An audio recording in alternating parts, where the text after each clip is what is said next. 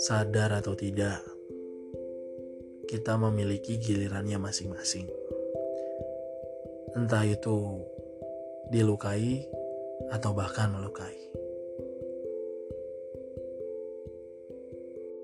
Terlepas dari perihal melukai atau dilukai, kadang kita juga lupa bahwa yang bertanggung jawab atas kebahagiaan diri kita sendiri, ya diri kita bukan orang lain. Orang lain hanya kita jadikan sebagai pelengkap. Kemudian kita paksa untuk ikut terlibat.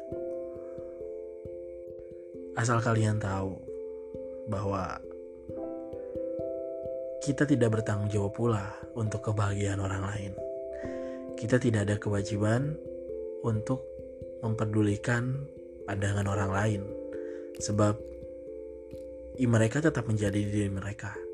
Mereka tetap menjadi pribadi mereka dan kita tetap menjadi kita. Bagaimana mereka melihat kita, bagaimana mereka menganggap kita dan bagaimana mereka entah itu membenci atau mencintai kita, itu adalah tugas mereka. Sedangkan tugasmu adalah menjadi dirimu. Dan itu pun berlaku sebaliknya terhadap dirimu bagi mereka. Jadi, mari